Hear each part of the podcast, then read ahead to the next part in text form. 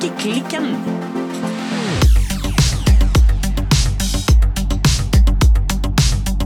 Godt nytt år, Birte. Godt nyttår, Silje. Kjekt å se deg. Ikke kjekt å se, se deg. Det var Ja. vanskelig å slå til bergensk der.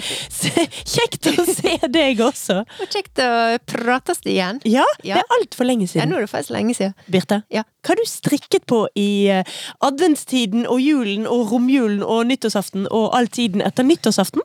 Ja, du, jeg, nå, jeg syns jeg har vært veldig flink. Jeg liksom uh, klapper litt for meg sjøl her. Oh, Ok, Jeg vet ikke hva vi klapper for ennå, men eh, en av grunnene er jo at du sitter og ser på eh, mitt haud akkurat nå. ja, og på ditt haud, Ja. der er det en ny lue. Yes, som eh, lova, kan jeg vel si. Ja. Nå er denne her eh, Oslo-lua mi endelig ferdig, og som jeg sa når jeg kom, jeg var litt stolt og litt sånn Wey, jeg har strikka ei hue! Ja, Woohoo! men den er utrolig fin. Veldig Takk. fine farger. Ja. Altså, dette er den du strikket i det håndfargete garnet fra Permin. Yes, det stemmer. Og vi har vel knotet litt før med å klare å beskrive disse fargene. Ja. Hva skal vi Altså, vi må vel være enige at liksom basen er blågrå. ja, eller jeg lurer faktisk på om fargen på det her permingarnet heter blågrønn. Eh, ok, men det vil jeg Ja. si at det er mer fordi at det jo absolutt er klare innslag av grønn og brun og blå. Ja. Men selve basen er da ganske blågrønn. I hvert fall så lenge du holder den sammen med den eh, blågrønne Nei, blågrå moheren. mohairen. Ja, eh, altså den er definitivt mest blå. Ja. Men så er det sånn som du sier, det er spetta av forskjellige farger. Der er litt rust, der er litt sånn knallgrønn, sånn mm. neon nesten. Mm. Eh, ja, hva annen farge er det da? Litt sånn mørkeblå. Mm. Eh, Ja. Ser nesten litt ut som noen innslag av litt lillaaktig på denne, i dette lyset her, faktisk. ja, det kan hende. Jeg vil jo si at den kommer ut som en litt sånn lyseblå-ish. For, sånn, hvis du, ja, hvis du myser, Ja, så fordi gjorde nå. Ja, så liksom- det var akkurat det jeg gjorde. Fordi Ja. når vi nå beskriver eh, fargen og garnet, så høres den jo grådig intens ut. Men det er den ikke. Nei da, den er ganske delikat og, og fin. Em, jeg lurte litt på hmm, hva, hva slags eh, plagg eh, Hva kan jeg kombinere den med? Men i dag så sitter jeg faktisk i ei ull, svart ullkåpe. Ja, og det er fordi at det er min jobb å huske å skru på varmen i strikkehytta. Det, det er ikke en jobb jeg klarer å huske på. Nei. Så her var det iskaldt. Så du sitter med ullkåpe, og jeg sitter med boblejakke. Koselig. Det går helt fint. Og det var ikke noen kritikk til deg, Silje, altså. Må, må ikke tolke det sånn. Eh, for det er kaldt, surt og kaldt ute. Og Det er det. Sånn er det bare. Men eh, eh, den passer fint til eh, litt sånn ull. Jeg er litt usikker på om den er så veldig fin til sånn eh, glatte dunjakke. um, Jeg tror den der blir helt nydelig til alt. Jeg kan alt ikke komme mulig. på noe den der Ja. ikke skulle passe sammen med. Jeg ser den i hvert fall veldig for meg til uh, altså beige uh, trenchcoat. Ja, ja. Sånn, liksom den tonen der. Jeg føler den blir litt rar til bikini. Ja, kanskje når vi begynner å bikke liksom uh, den garderoben. Så er kanskje ulluen litt snålt. Ja. Ja. Men ok, det var, det var hua. Ja, og, det, og da for, for sikkerhets skyld så må vi også nevne at da snakker vi altså om at du har strikket deg Oslo-hua til eh, eh, Petit Nitt. Yes, mohair edition. Eh, Mohairgarnet, det var rester. Og så kjøpte meg eh, eh, to nøster. Jeg har bare brukt kanskje maks ett og et halvt av det her håndfarga permingarnet. Jeg lurer på om det heter Stella. Jeg er litt usikker. Okay. Men, Men, eh, vil, har du lyst til å si noe mer? Liksom, har du lyst til å gi for eksempel da, oppskriften eller prosjekt... Du! Ja. Hva hvis vi begynner å bli prosjektene våre en, enten en karakter eller et terningkast eller noe sånt? ja. Det hadde vært litt gøy. ja. Vil, du gi, vil du gi dette strikkeprosjektet et terningkast, Birte? Ja, altså nå, Hvis jeg skal gi liksom prosjektet terningkast, så da, det, da trekker det litt ned. For jeg har jo brukt gruelig lang tid okay. på det. Um, og jeg hadde jo en plan om at jeg skulle være ferdig med mine to prosjekt som jeg holder på med. Jeg skal komme tilbake til eh, min cardigan nummer åtte Ja. straks. Eh, at jeg skulle liksom eh, ha det klart eh, idet vi entrer 2023. Denne hua her, den satt jeg og felte av nyttårsaften klokka ti-halv elleve-tida om Ja. kvelden. Så det var liksom perfekt i tide til eh, fyrverkeriet.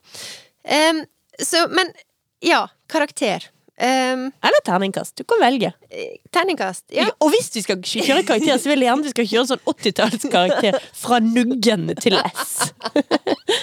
um, Jeg vil si, altså hvis tida skal liksom være en faktor, så da trekker jo det litt ned. Men jeg vil si resultatet Mhm. eh, vil jeg gi en god femmer. Ja. Ja, jeg må være såpass ærlig at eh, jeg syns, hua ser bra ut. Jeg er helt enig. Funka, fellinga gikk fint, det var liksom ikke noe sånn tull med den. Så ja. Men så må du jo også snakke litt om det andre prosjektet du skulle bli ferdig med i 2022.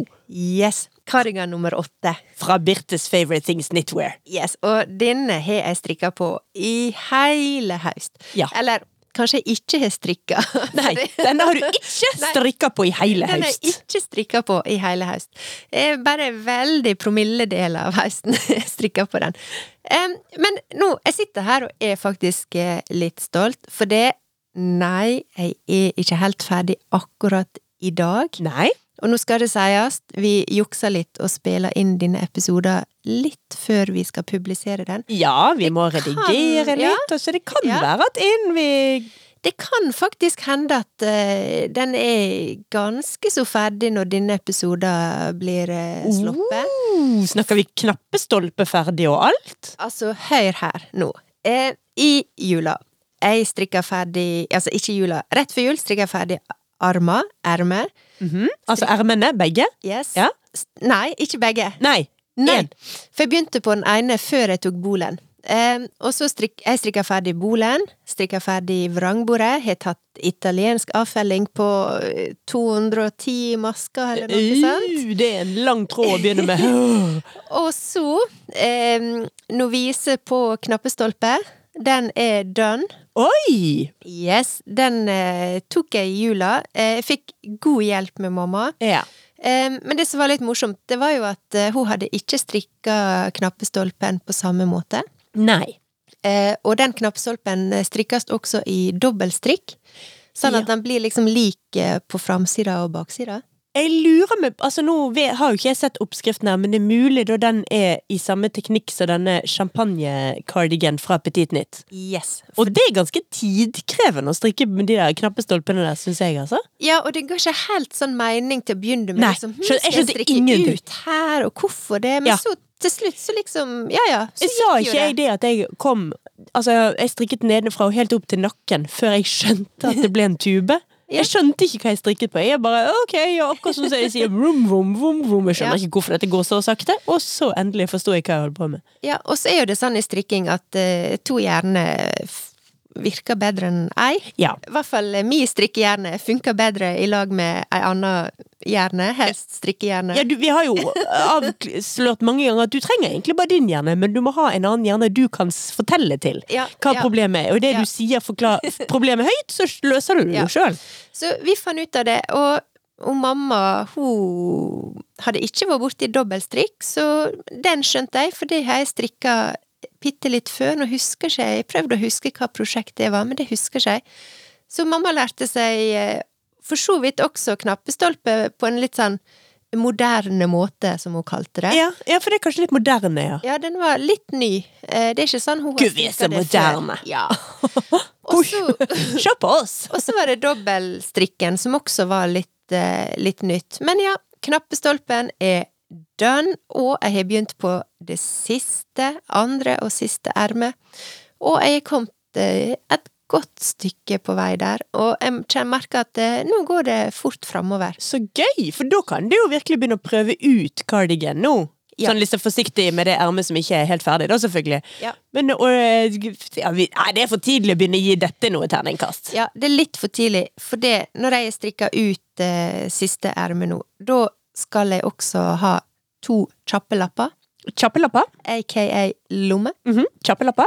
Um, og så skal jeg rett og slett ta med meg prøvelappen som jeg strikka for lenge siden, Ja. og så skal jeg finne knapper. Og det syns jeg var litt smart. Oh, det var veldig smart. Å bare ta med prøvelappen, og så sjekke, for da slipper jeg å det, det, det, er en- det er en ganske tung kardigan. Jeg tenkte faktisk jeg skulle vege den når jeg var helt ferdig, for den er skikkelig Den er et drog. Ok, så dette er virkelig et plagg du må huske å ta av deg når du skal veie deg om morgenen. Ja, det er litt sånn Det, Mm. det er en det er tung, eh, tung materie, rett og slett. Så jeg tenkte litt sånn, håper jeg, for gøy, så tenkte jeg skulle vege den. For at jeg, når jeg driver liksom Du veit når du strikker rundt og rundt og vrir og styrer på, så er det litt sånn «Åh, Her må jeg liksom ta litt i. Det er litt, gøy at du har strikket deg en vest, nei, en sånn vektjakke, så du kan løpe opp på Stolsekleiven og liksom Nei, jeg har det på med vektjakken min. Det. Den er litt sånn. Og en siste ting, Mhm. som eh, nå I dag blir det skravlorama. Ja, ja, ja, ja. kjære venner, vi har ikke snakket sammen på 100 år.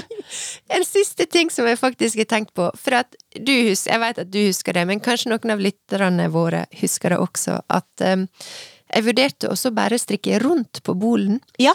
Og så da kan du klippe opp, for det er en, det er en ganske sånn vidgjeten teknikk som kan gjøres på kardigan. Ja, sant, Ja. fordi cardigan skal jo selvfølgelig vanligvis strikkes fram og tilbake, nettopp for å gjøre det om til en jakke og ikke en genser. Yes. Men så lærte vi da altså at det går egentlig an å strikke den som en genser, men gjøre litt sånn fiffige ting, og så klippe opp på midten. ja, klippe opp, og da får du to litt sånne eh, marger på siden.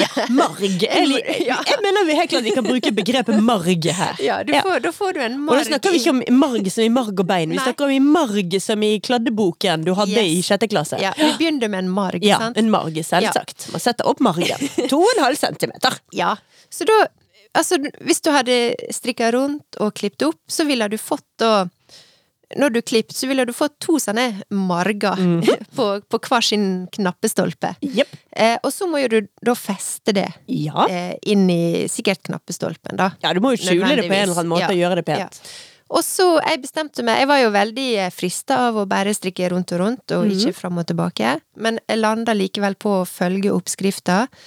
Eh, og liksom bare safe, gjøre det sånn som det sto. Og så tenkte jeg over nå at det er jeg faktisk eh, veldig glad for. Ja. Fordi at denne her kardigan cardigan nummer åtte, den blir strikka i Isager Aran Tweed ja. og i en tråd alpakka 1, som er en Mhm. ganske tynn tråd.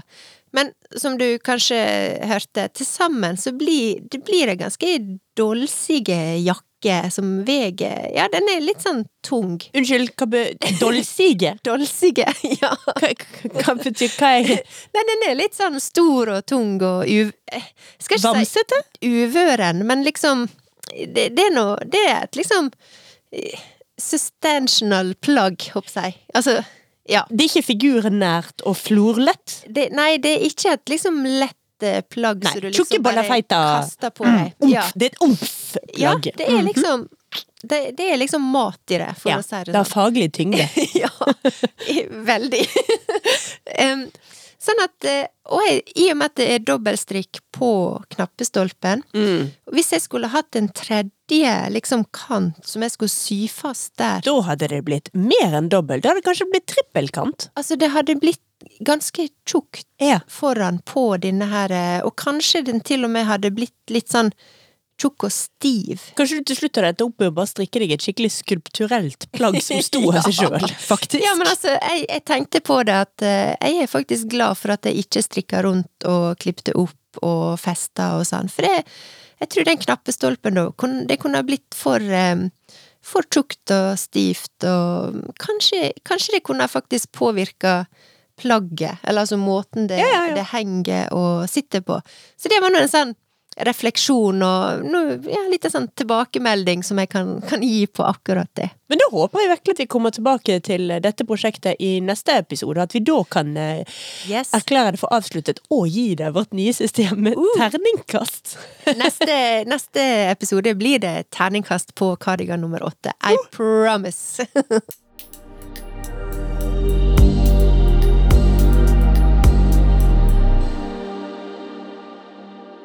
Yes, det var meg som hadde mye å melde fra mye strikkehjul. Ja.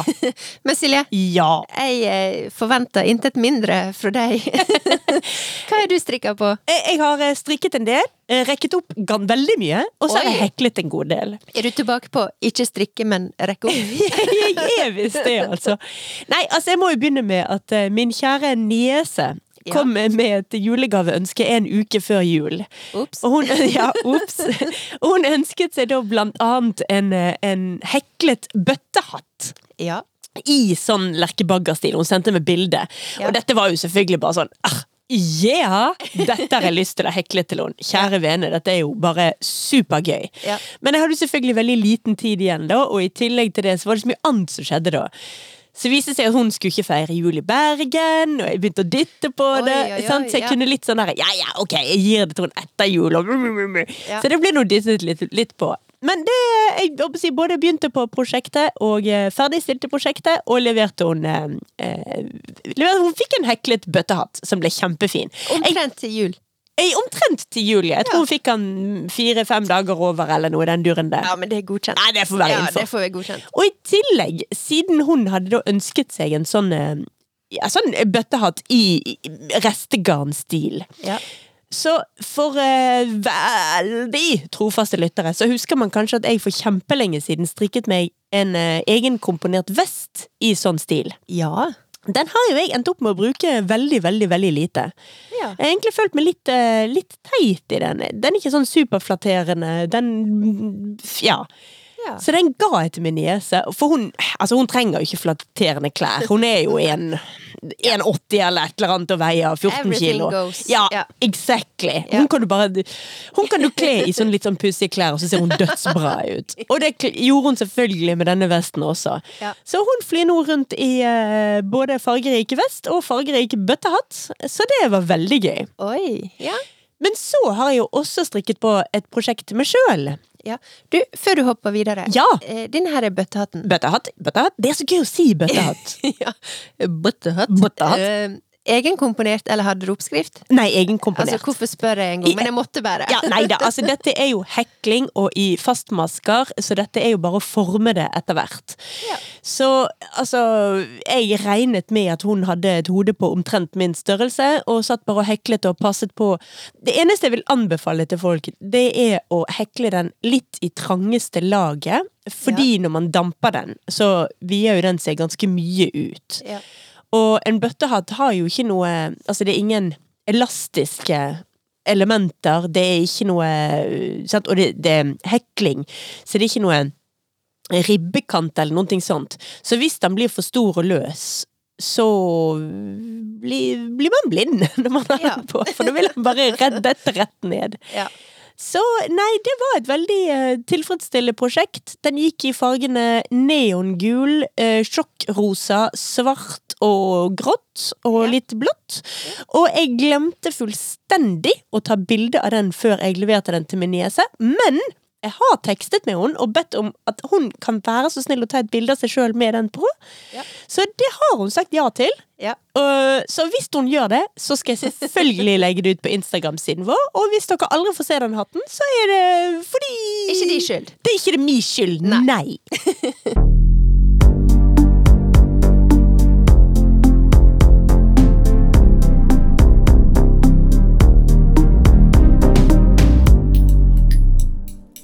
I tillegg så har jeg jo strikket på et prosjekt til meg sjøl denne Ja. julen. Og det er jo da denne som nå heter grønlandsgenser. Som vi jo da var enige om at i gamle dager het eskimogenser. Ja. Og det er jo en oppskrift av eh, min eh, heltinne Unn Søyland Dale. Yes. Den strikker jeg i eh, mohairgarn. Det er en sånn ny edition fra Sandnes Garn. Så det er dobbel tråd mohair hele tiden. Ja. Og den har jeg styra litt med. Ja. Fordi at på ja, for nå var vi på opp, rek, rekkeoppinga. Nå er vi på opprekking her, altså. Ja. Altså, det er jo da dobbelt tråd mohair. Silkemohair. Og så er det jo mønsterstrikk, så noen steder så skal den strikkes med tre tråder, altså tre farger. Ja. Og siden hver farge er dobbel, så er det seks garnnøster i mohair. Mm. Og for det første så blir det utrolig mange knuter, og hvis nå lytterne sier ja, men du må jo ha sånn garnbolle, Ja. så kan jeg jo si at ja da, jeg vet det. Yes. Men vi snakker om meg, som jeg tager man haver, og jeg strikker på kafé, og jeg stapper allting opp i sekken, og dessuten så gjør prosjektene mine som prosjektene mine vil sjøl. Ja.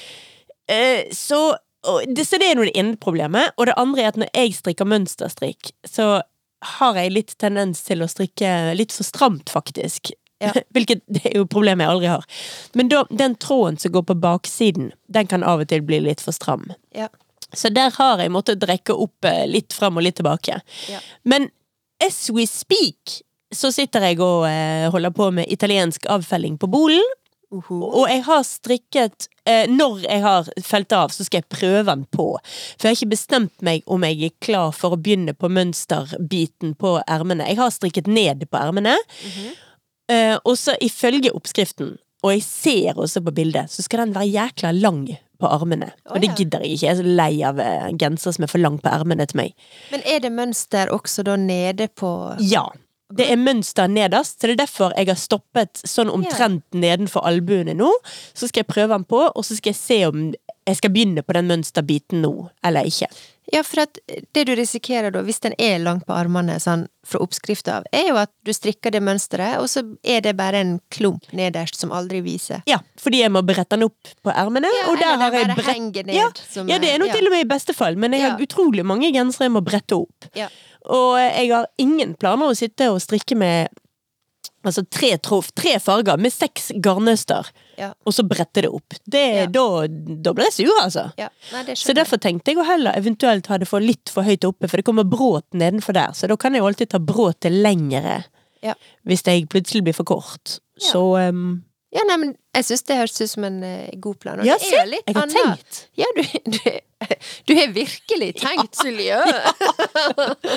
men altså, det er jo noe med når det er mønster. Ja. Eh, og det er jo Jeg er ikke så vant til det, men dette er jo noe som en faktisk må tenke på, ja. For det er ikke så farlig på en glatt strikk, ensfarga. Neida. Men å brette ut liksom mønster fordi at armene er altfor lange, det Ja. Ja, og så, altså, så eh, god på å strikke mønsterstrikk er jeg ikke at baksiden blir så fin heller. Og Mm. Altså Nei, nei, nei, nei. Har jeg først sittet med mønsterstrikk, så skal jeg fanken eh, show it off også. Altså, det, det blir litt som å liksom jeg vet ikke, ha blitt brun eller å ha slanket seg eller tatt seg en ny tatovering eller et eller annet. Og kle på seg et telt. det, Og så liksom. gjemme det, ja. ja. Show that shit off. Det er Ja. alt jeg kan si. ja. Støtter deg i den.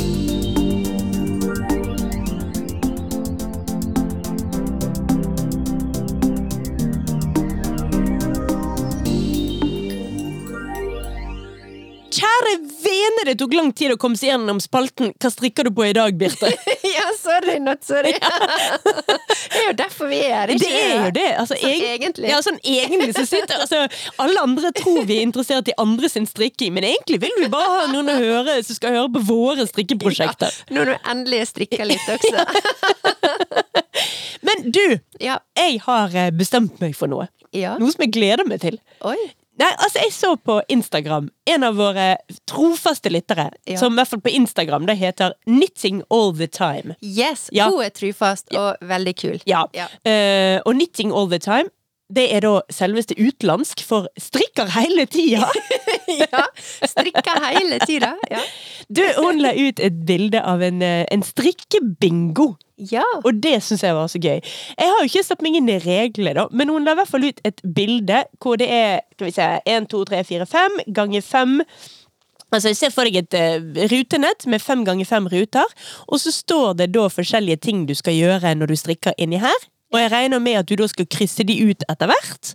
ja. Og siden det heter bingo, Så må du så må det være om å gjøre å få fem på rad, og da kan du brøle bingo. Ja, det var Det må jo være det som Det kan ikke være mer komplisert enn som så, kan det? Nei, altså, det som var litt morsomt, det var at eh, jeg har jo sett disse her eh, strikkebingoene før på Instagram. Ja. Og så når du, du sendte meg en melding i går og skrev at liksom strikkebingo, Strikkebingo, det var yes! It's a thing. It's, it, it, it's happening. Jeg har Ja. ikke sett før. Jeg. Nei. Og da liksom veldig kjapt uh, inn i hodet mitt da når jeg hørte ordet strikkebingo, så så jeg liksom for meg folk som satt og strikka. Og sånn, På bingo, ja. Ja, og så Ja. den som var først ferdig. Oh, ja. liksom, bingo! Jeg var sånn Hm, det blir noen veldig eh, Det blir en langdrektig eh, bingo. Og så Jeg gikk vet nå ikke det, for du har jo dette her NM i gåstrikk. Ja. De strikker jo dritfort, så de hadde jo vunnet den, den bingo-versjonen der uansett. Nei, men eh, i hvert fall eh, det ble litt sånn feilkobling. Og så, seinere på kvelden, så gikk jeg inn på Instagram, og da så jeg det. Og var sånn, ja, ja, ja, selvfølgelig. Ja. Men dette er gøy. Ja. Ja. Og så kjente jeg nå at jeg vet ikke om, altså jeg er jo oppvokst i, eh, eller bodde i hvert fall store deler av eh, min ungdomstid, i Åsane. Ja. Der var jo bingo en stor greie blant alle mødrene. Ja. Skryter jeg av klassereisen min her. Mødrene. ja. Alle fall, det finnes jo sånne spesielle bingopenner. Som er sånne lilla, rosa, runde kladeiser du liksom bare skal trykke sånn- ned. Ja, sånn stempelaktig. sant? Altså, jeg var- har vært på bingo en god del eh, i min barndom, men det er søren meg så lenge siden. Jeg husker jo nesten ikke hvordan det funka. Det er så fint! Altså, nå, nå er det litt sånn her eh, Nå skryter vi ikke på oss noe kulturell kapital i det hele tatt. Vi, vi, bare, vi bare show off vår bingofortid. Jeg husker til og med vi vant eh, Vi brukte å ha altså bingo i Ulsteinvik, eller i hvert fall den som vi brukte å gå på av og til. Den var i kantina på gymnaset, altså på nydelig. den videregående skolen. Åh, men Var det lov å røyke innendørs, da? Var det mye sånn mødre som satt og laget sånn vinnertipp-sigaretter? Jeg er faktisk litt usikker på det, i og med at det var på en skole. Mm, ja. jeg husker at jeg og noen andre unger Vi brukte ofte å bare springe som noen galne rundt i ei garderobe, og inn og under og over og sånn. Men jeg husker faktisk, i hvert fall én gang, så vant vi ei fruktkorg på bingo. Så eh, det var svære greier. Nei, altså for på, på bingoen i Åsane, det var på Arken. Eh, og der var det lov å røyke, og, Ja. men jeg tror det var en regel om at du måtte røyke enten rullings eller vinnertipp. Jeg tror Ja. eh, ferdigkjøpte sigaretter var Det, det, det, det, gikk ikke. Det funker ikke. Nei, nei, nei, nei. Men um, ok, skal vi slutte å reklamere for vinnertipp og heller gå tilbake til strikkebingo? Ja, ja, ja, la oss gjøre det. Som om alle veit hva vinnertipp er.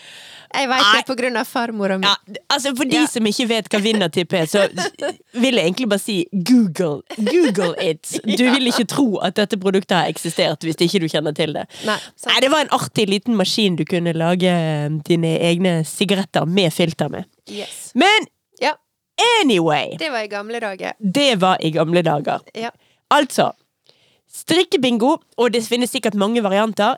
Jeg har ærlig og redelig fullstendig bare kopiert den som Knitting All The Time har lagt ut. Jeg vil bare være med på den. ja, hvorfor ikke? Hvorfor ikke? Ja. Eh, og det her vil jeg jo gjerne at lytterne våre skal være med på Knitting All The Time sin strikkebingo også. Yes. Der får man stri eh, ikke strikk, nei. Der får man bingo. Kryss, flekk, stempel. På ting som for eksempel strikk over fire timer én dag. Alt Oi. jeg kan si er been there, done that. Ja, check. Ja. Magic loop. Vel, jeg strikker jo Siljes umagiske loop, men Ja, det er jo strengt tatt magisk loop. Det får passere. Og så er jo dette her også gøy for deg, fordi at eh, denne strikkebingoen her er på, eh, på eh, eh, ja, Nå er jeg spent. grotmål, altså nynorsk. Grautmål! Grautmål. For vi har ting som strikk noko lilla. Ja. Ja, og så har vi en kategori. jeg vil si det er kontroversielt Den er litt å vanskelig. strikke noe lilla. Den ja. er litt vanskelig, ja. men vi har, veldig, vi har noen kategorier som er sinnssykt enkle, som er for eksempel egostrikk. Den Eh, klarer vi. Den skal vi klare raskt. Fins det noe annet? Opptrekksfest. Den skal jeg klare. ja. Uh, denne vil, her er en kategori som du vil være mye bedre i enn meg. Rydd i pinne- og garnlageret. Oh, ja, men det må jeg faktisk gjøre snart. så Men du liker det jo. Ja, ja. Jeg liker det. I like it. Ja. Eh, garnet på tur. Ja. Det er jo enkelt. Altså, det er jo bare, bare vent. Vi har jo et helt år på dette. Eller vi har for god tid, tror jeg. Yes. Så er det noen som kategorier som vi må diskutere litt etter hvert. Som for eksempel da Tov et prosjekt. Og da lurer jeg på om min evige evne til å bedrive ufrivillig toving Om det er godkjent? Ja, er det innenfor, eller snakker vi om frivillig, altså planlagt toving, eller labber på avveie toving? Hmm. Ja. Ja, nei, altså her i alle fall øh, Oi! Strikk noe som fikk opp pulsen. Oi. Men du, Hmm. Jeg, strikkebingo, jeg hører, det er jo veldig gøy. Dette her er, dette, dette skal vi både legge ut og komme Ja. tilbake til, og dette, dette skal vi ha lytterne med på. Ja, Enten de vi vil få- eller ei. Ja, det må vi få lytterne med på. Og nå håper jeg vi får be om eh, tilgivelse heller enn tillatelse, men jeg håper det er greit for eh, Knitting All The Time at vi deler strikkebingoen hennes. Ja, altså Hun husker... la den ut på Instagram, og så er det jo Ja. litt rart å legge ut en bingo og ingen får lov å være med. Nei da. Vi, vi, eh, vi pass Vi passing it on, Ja. på godt norsk. Ja. så vi kommer til å, å dele den, og så eh, håper vi at eh, mange henger seg med. Og så må dere huske å eh, tagge i hvert fall Knitting all the time når dere hiver dere med. Og gjerne strikkeklikken også, hvis dere har lyst. Ja. Og den som vinner eh, bingorunden, den Ja. får en pakke vinnertips.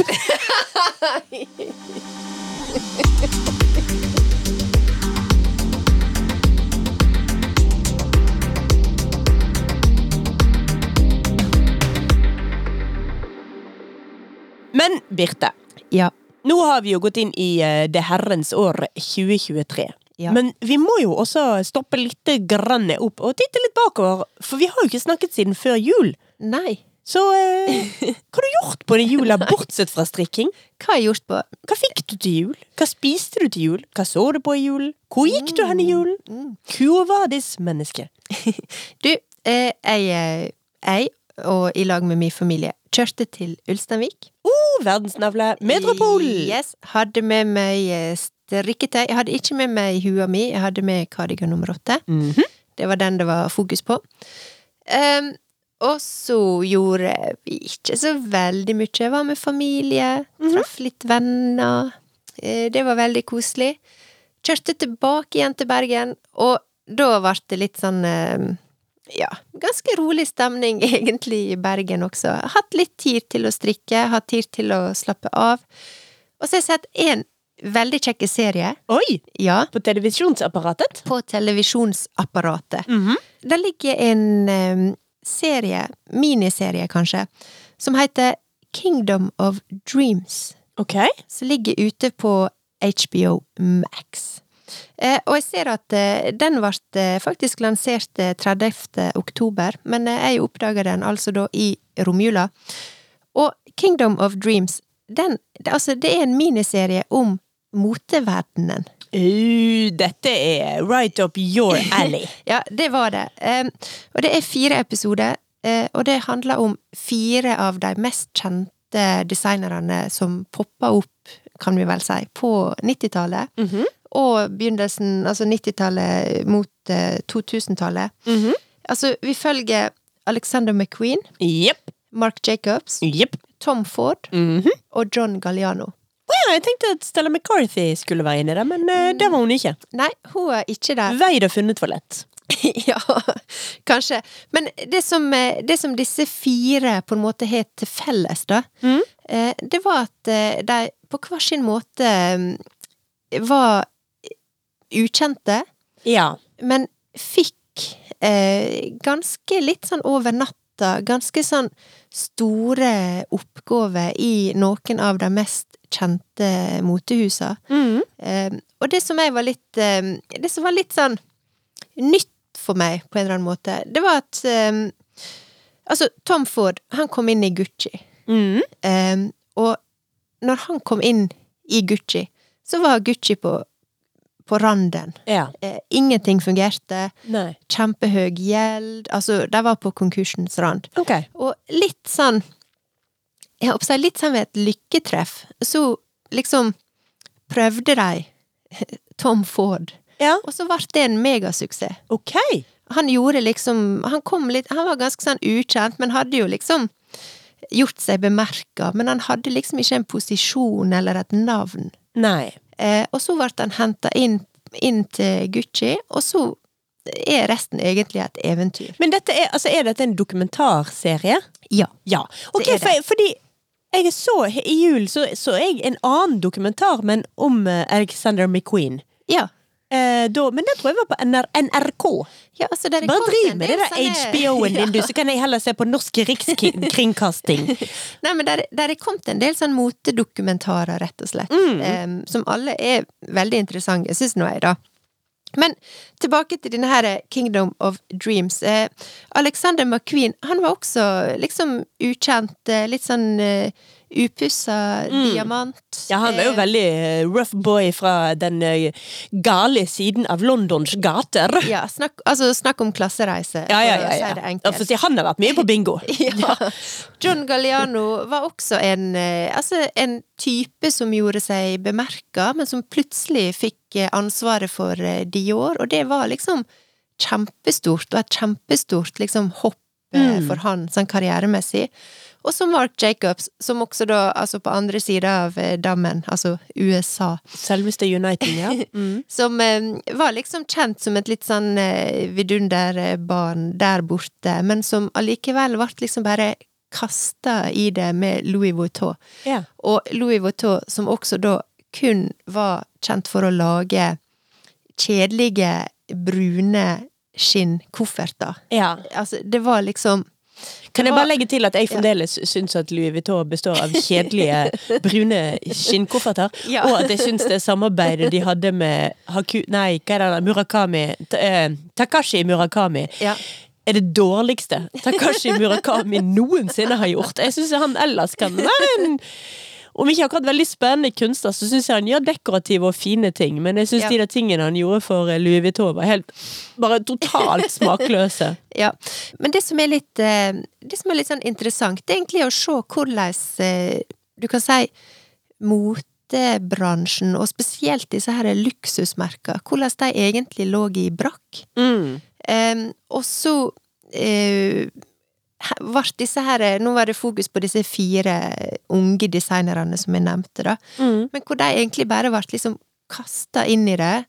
Eh, disse, jeg håper jeg, konservative, gamle haute couture-motemerker tok liksom gigasjanse, og var liksom bare sånn desperat etter å prøve å overleve. Mm. Og så fyller vi liksom da hvordan disse fire på, på hver sine måter ja, klarte å liksom ta, ta disse stegene og, og liksom eh, løfte disse her luksusmerkene fra omtrent avgrunnen og opp i motehimmelen. Men det Ja, skjedde og- ikke helt tilfeldig.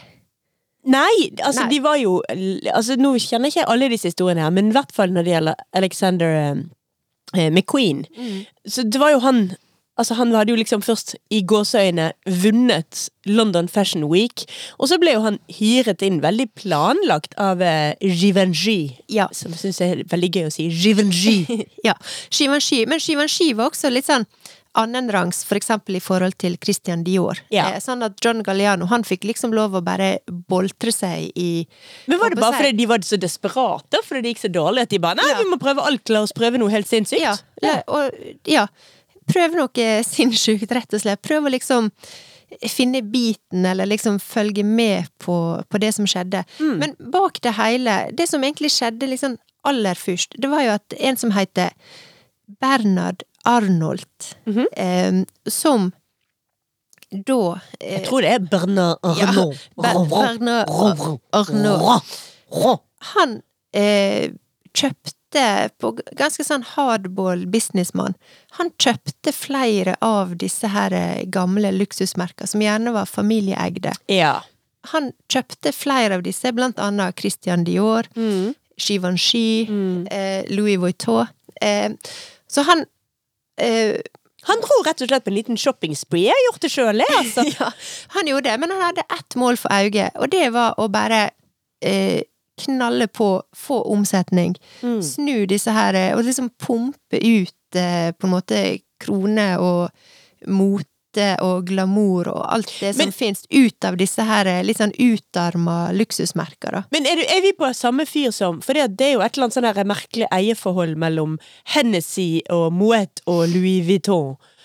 Ja, altså nå er jo det ei stor gruppe Ja. som eier mye forskjellig, og Det er liksom whisky og vesker. Det er jo det. Ja, Og det som, det som på en måte Det som denne her eh, minidokumentaren eh, viser, det er liksom den Først er det, er det liksom reisa til både disse luksusmerka og disse fire nevnte designerne, men det er også hvordan han her Louis Nei, ikke Louis.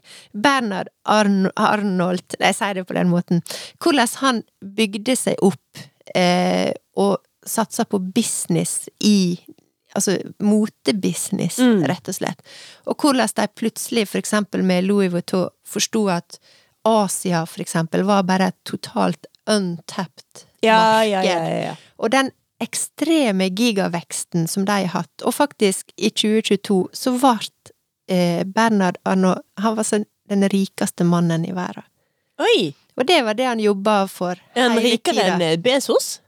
Han er de Altså, i 2022 så ble han den rikeste mannen. Hjelpe meg. Ja. Så han, eh, han var en man with a plan hele veien, Han rett og slett. Han var en man with a plan, og det er noe av det som vi får se eh, og bli med på. Men så Ja, egentlig, hva het den? Ja, hva het dokumentaren?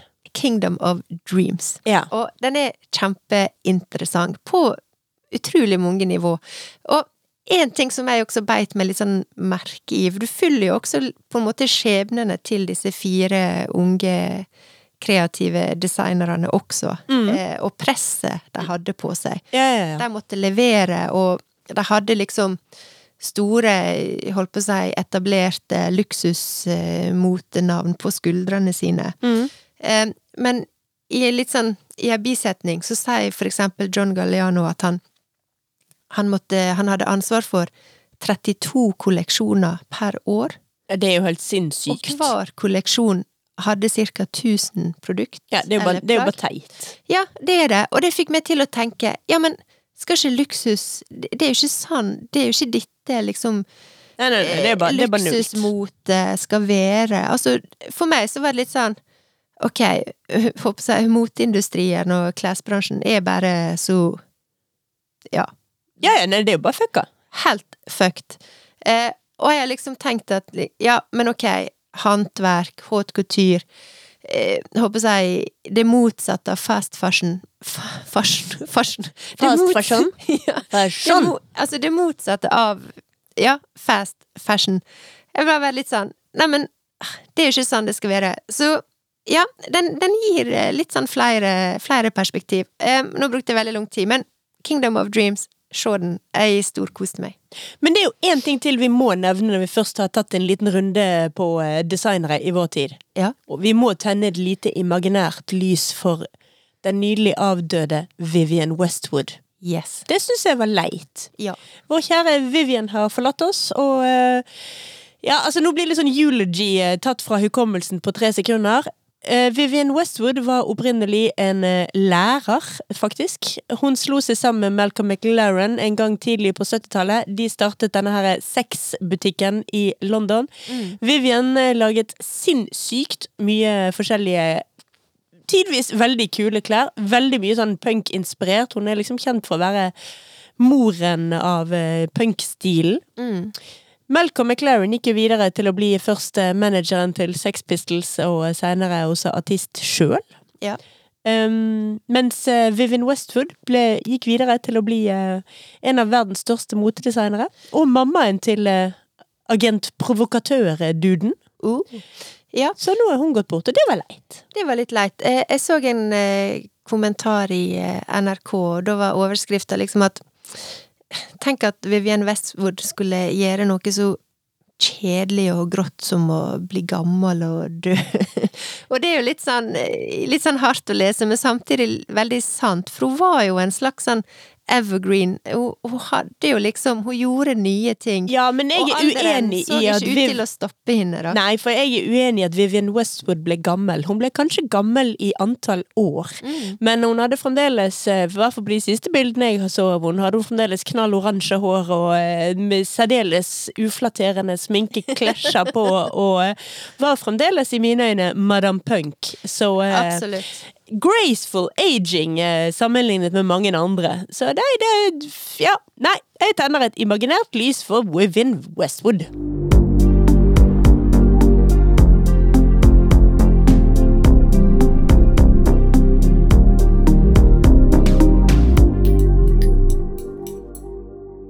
Lyst til å si, eh, før jeg liksom avslutter det her eh, TV, TV-spalte, TV-spalta mi, Ja. som jeg ofte har her.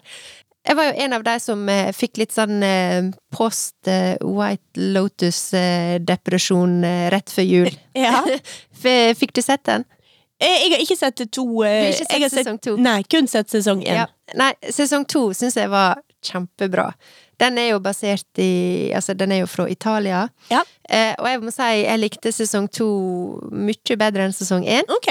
Eh, kanskje litt på grunn av lokasjonen. Jeg er litt sånn Italia-fan. Eh, kanskje fordi jeg aldri har vært der. Men det er så fint, og du vet, La Dolce Vita. og Det er liksom viben der. Ja. Eh, men i hvert fall, når Post Nei, når White Lotus, når den var ferdig, så var det litt sånn mm, Hva skal jeg se på nå, da?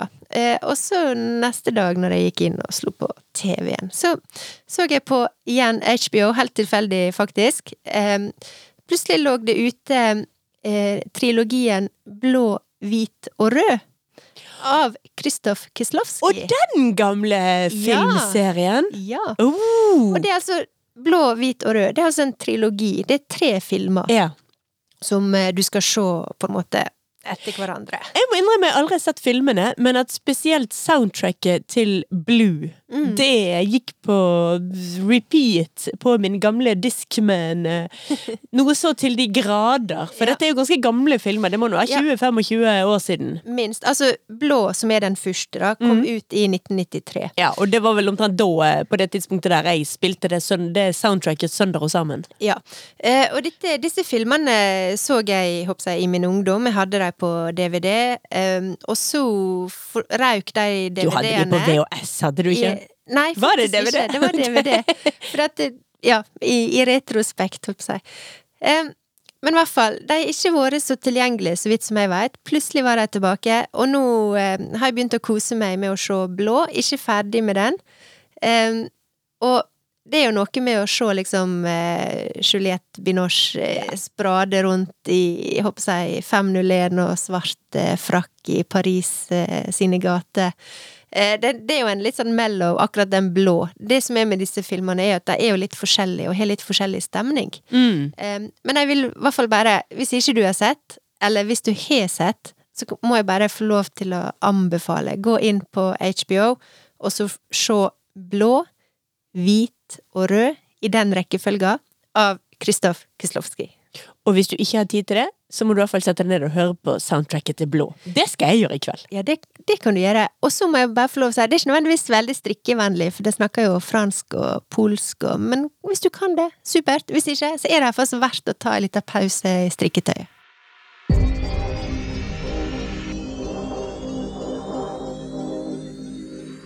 Silje snakker om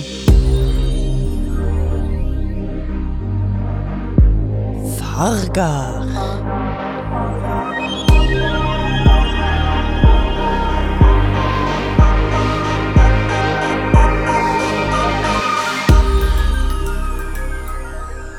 I dag svart. Svart, Svart! er det en farge? Nei. Nei, for det er det jeg har lært, eh, liksom. Nei, svart er ikke en farge. Nei, svart er strengt tatt ikke en farge. Og grunnen til det, da må vi jo rigge tilbake igjen og snakke om hva er egentlig farger? Ja. Farger, det er da forskjellig spalting av lys. Ja. Naturlig lys, altså lys fra eh, solen eller noe sånt.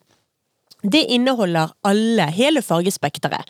Det er jo det du ser når du ser en regnbue, du ser det når du bruker, holder en prisme opp foran lys. Da spaltes det jo opp i alle de forskjellige fargene. Ja. Og da er ikke svart der. Nei. Verken svart eller hvitt. Nei. Så hvitt og svart er ikke spalting av lys. For hvitt er lys, og svart er mangel på lys. Ja. Fravær av lys.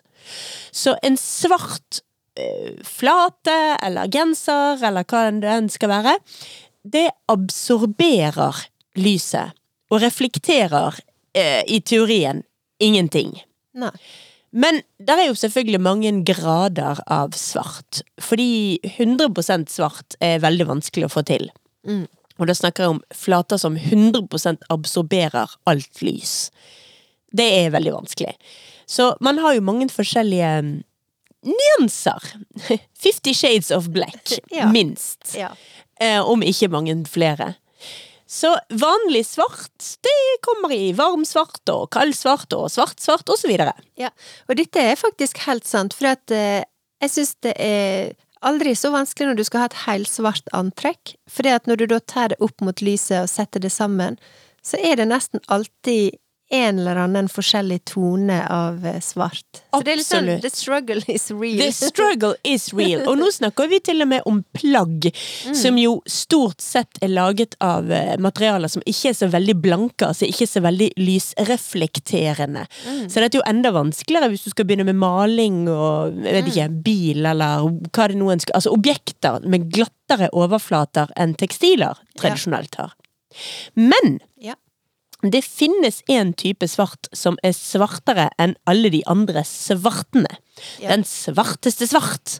Ja. Og det heter Vanta Black. Ja. Jeg tror man kan få lov å si Vanta svart. I hvert fall så vil jeg bare nå introdusere at vi kan få si Vanta svart.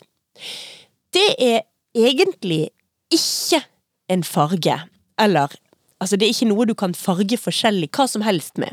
For vantablekk, det er en eh, substans, en altså nanoteknologisubstans, en overflatebehandling. Sånn at du kan ikke liksom kjøpe deg et malingsspann med Vantasvart. Det er en spesiell maskin som du må putte objekter inn i, og så dekker da denne maskinen overflaten med Vantasvart. Som er da ekstremt finkornet svart overflate, som da absorberer omtrent alt lys. Som gjør at det blir det såkalte svarteste svart. Hvis man går inn og så googler dette, så vil du se ganske mye gøyale videoer. For hvis du for eksempel tar en skulptur ta, Si du tar en byste, da. Mm. Og så dekker du den med vantersvart. Da vil den se ut som et Du vil kun se omrisset. Alle sånn nooks and crannies, altså alle, inns, alle innhuler og utstikkere, de forsvinner fullstendig. Så det ser ut som et svart hull i rommet der dette objektet som er dekket med vantersvert, er. Ja. Fordi at det er ingenting der som treffer lyset i det hele tatt. Så du får ikke se, liksom, med mindre du setter den i 100% profil, så vil du ikke se nesen på, eh, på denne bysten. Du vil ikke se der det går inn rundt øyet. Du vil ikke se noe av dette. Alt blir bare en svart kladeis, som, vi, som det heter på fagspråket. Ja. Det lærer vi i kunsthistorie eh, 101. Da er det bruk ordet kladeis mye Ja. om når du snakker om skulptur. Ja. Um, sånn at denne svarte, den er ekstremt intens. Det som var veldig eh, Vi kan bruke ordet gøy, eller vi kan bruke ordet irriterende, alt eftersom. Men når Vanta Svart ble laget, så var det en eh, billedkunstner som heter Anish Kapoor. Han fikk da ta patent, altså enerett, på å bruke Vanta Svart i kunstnerisk sammenheng. Det skal jo også sies at det, ikke så, det er liksom ikke helt løst sånn her, hva spennende og viktig kan vi bruke her, eh, dette materialet til i en forskersammenheng, eller i en liksom redd verden, eller vi trenger mer energi, eller stopp krigen. Ingen har egentlig funnet noe sånn ordentlig sånn god bruk av vantasvart. Så foreløpig er det liksom kun kunstnere som syns dette er utrolig gøy, og alle andre som ser det, syns det liksom åh, jøss, det var morsomt. Så artig. La oss forske mer på dette, og la oss se på dette, for det var et artig materiale. Men altså, Anish Kapoor fikk eneretten på å bruke dette som kunstner. I hele verden. Ingen andre kunstnere kan bruke Vanta Black. Eller Vanta Svart. Ja. Det førte til at en, eh, en eh, maler, malingsprodusent som også er kunstner, som heter Stuart Semper, han lager pigmenter. Han bor i England, og han selger veldig mye forskjellige, ganske gode malings... eh, supplies for billedkunstnere. Han ville lage sin egen versjon av Det svarteste svart, men da i malingsform, og selge den til kunstnere verden over. Men han ville aktivt ekskludere Anish Kapoor. ja. Så når du går inn på eh, Stuart Semper sin nettside for å kjøpe hans sorteste sorte maling, så må du faktisk skrive under på at du ikke er Anish Kapoor, eller på noen måte handler på vegne av eller for Anish Kapoor. Så da kan på en måte Anish Kapoor sitte der med den svarteste svarten sin, mens eh, alle vi andre kan eh, benytte en betraktelig mindre giftig eh, svartfarge fra Stuart Semper. Så lenge vi ikke er Anish Kapoor. Ja. Men det var bare en litt sånn fun fact om svart. Em, når vi snakker om svart, så kan vi jo nevne sånn kjapt i forbindelse med strikking. Ja. at i og med at svart teknisk sett ikke er en farge, så er det jo da en eh, farge i gåseøyne som går sammen med alle de andre fargene. Ja. Svart krasjer ikke med noe som helst. Alle er venner med svart. I vår kultur, den vestlige kulturen, så er jo svart tradisjonelt sett på som eh, sorgens farge. Det heter seg jo at eh, for eksempel de kongelige, i den britiske monarkiet, etter at dronning Elisabeth Altså, hun var jo faktisk i Afrika når hennes far døde, og når hun skulle lande på Heathrow, så hadde ikke hun med seg sorte klær, og han hadde dødd mens hun var der. Ja. Så hun måtte vente inne på flyet til noen kunne komme inn til hun med sørgeklær. Så i all tid etter dette så flyr ikke den kongelige familien. De reiser ingen steder uten et sett med sørgeklær, sånn for sikkerhets skyld, i tilfelle noe skulle skje. Så de de er alltid klar med litt svarte klær. Ja. For oss andre vanlige dødelige slabbedasker, så eh, i hvert fall meg og deg, Birte, Ja.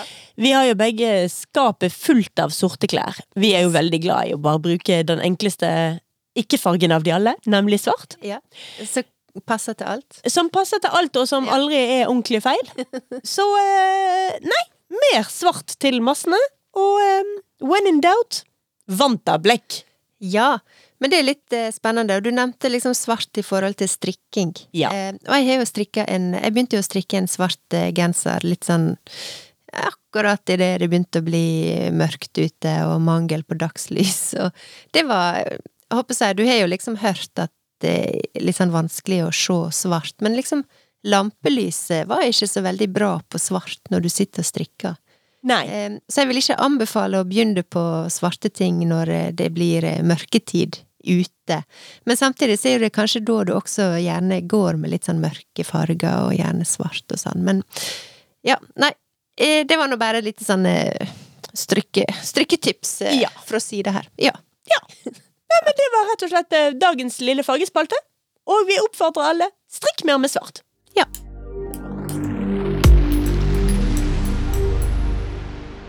Nå nærmer vi oss eh, slutten her, eh, Ja. Silje. Nå har vi babla så lenge, pluss at jeg må inn og sette meg litt foran peisen, for jeg fryser.